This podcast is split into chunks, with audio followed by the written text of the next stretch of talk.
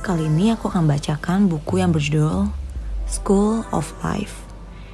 Di sini berisikan 30 pelajaran kehidupan inspiratif dari tokoh dan kisah mendunia yang dibuat oleh sepasang suami istri yaitu Yotam Sugiyono dan Alvita Dewi. Lesson 2 Digerakkan oleh tujuan Adamku ketika kanak-kanak menggemari bermain games dan nonton TV. Ia dapat melakukannya sampai berjam-jam tiap hari. Karena kebiasaannya ini, maka Adamku tidak dapat belajar apa pun di sekolahnya. Ketika kelas 4 SD, ia dikeluarkan karena ketidakmampuannya mengikuti pelajaran. Akhirnya, Adamku harus masuk sekolah SD yang terburuk di Singapura. Karena kebodohannya ini, ia ditolak oleh enam sekolah untuk masuk SMP. Namun semua berubah ketika ia mengikuti suatu program pembelajaran dan mendapatkan pelajaran bahwa ia dapat berubah dengan cara menetapkan tujuan dalam hidupnya. Segera saja ia menetapkan tujuan-tujuannya. Ia tuliskan tujuannya itu di secari kertas dan dibaca keras-keras sampai benar-benar merasuk ke dalam hati dan pikirannya. Ia mengatakan, aku akan lulus SMP dengan nilai yang terbaik. Walaupun guru dan teman-temannya mengejek bahkan menertawakannya, Adam kecil tetap patuh pada arahan dari tujuan yang telah dibuatnya. Ia hanya perlu melakukan apa yang telah ia tuliskan. Hanya itu.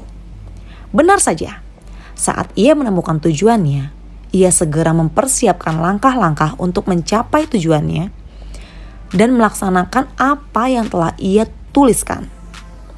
Pada akhirnya, ia mendapatkan nilai terbaik saat lulus SMP. Cemoohan teman dan gurunya kini berubah menjadi pujian. Tidak berhenti sampai di situ, ia juga menetapkan tujuan berikutnya, yaitu masuk SMA terbaik di Singapura dan akan lulus sebagai lulusan terbaik serta masuk universitas terbaik. Kini Adamku dikenal sebagai trainer, bukan hanya di Singapura, tetapi juga di negara-negara lainnya. Ribuan dolar per jam adalah bayaran Adamku sebagai seorang trainer dan motivator. Seorang yang dahulu dikenal bodoh, kini telah menginspirasi banyak orang. Semua dimulai dari sebuah tujuan yang telah ditetapkan dan menjalaninya dengan konsisten. Sebuah pertanyaan yang sering dilontarkan adalah, mengapa seseorang tidak dapat mencapai tujuan yang telah ditetapkan? Sebagian besar orang ketika telah menetapkan tujuan, lalu berjalan menyusurinya, sering kali ia tergoda oleh sebuah tujuan lain, dan kemudian mengubah arah langkahnya. Sementara kemudian ia berjalan menuju sasaran berikutnya, di tengah jalan ia kembali melihat tujuan yang dalam pandangannya jauh lebih baik dari sebelumnya. Lalu ia putarkan langkahnya dan menuju tujuan lainnya. Demikian terus berulang hingga pada akhirnya ia tidak pergi ke mana pun. Karena ia sendiri sebenarnya tidak mengerti harus pergi ke mana. Karena itu, Anda harus tahu akan ke mana Anda melangkahkan kaki. Tidaklah bijak bila Anda melangkahkan kaki ke sana, ke sini, tak tentu arah dan tujuan.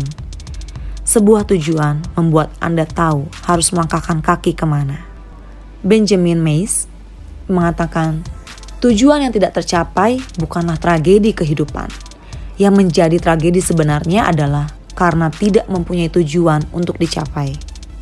Tips dari lesson 2 adalah tetapkan tujuan dan sasaran yang jelas dari hidup Anda. Buat langkah-langkah realistis untuk mencapainya. Mulai dari 10 tahun di depan, kemudian 5 tahun, 1 tahun, bulanan, mingguan, hingga harian. Lalu Anda harus mengerjakan sekarang juga. Ingat, bukan hari esok, tetapi sekarang. Evaluasilah secara berkala apa yang telah Anda lakukan termasuk keberhasilan dan kegagalan Anda. Tentu Anda juga harus mencari jalan keluarnya. Quotes-nya yaitu alasan kenapa seseorang tak pernah meraih cita-citanya adalah karena ia tak mendefinisikannya, tak mempelajarinya, dan tak pernah serius berkeyakinan bahwa cita-citanya itu dapat dicapai. Dr. Dennis Whitley Anda menjadi orang yang sukses di saat Anda mulai bergerak ke arah tujuan yang bermanfaat. Samuel Johnson Sibuk tidak selalu sama dengan kerja yang nyata. Tujuan dari semua pekerjaan adalah produksi atau penyelesaian. Untuk mencapai keduanya perlu pemikiran di muka, perencanaan, tujuan yang jujur, dan keringat. Tampak bekerja tidak sama dengan bekerja dalam arti yang sesungguhnya. Thomas Edison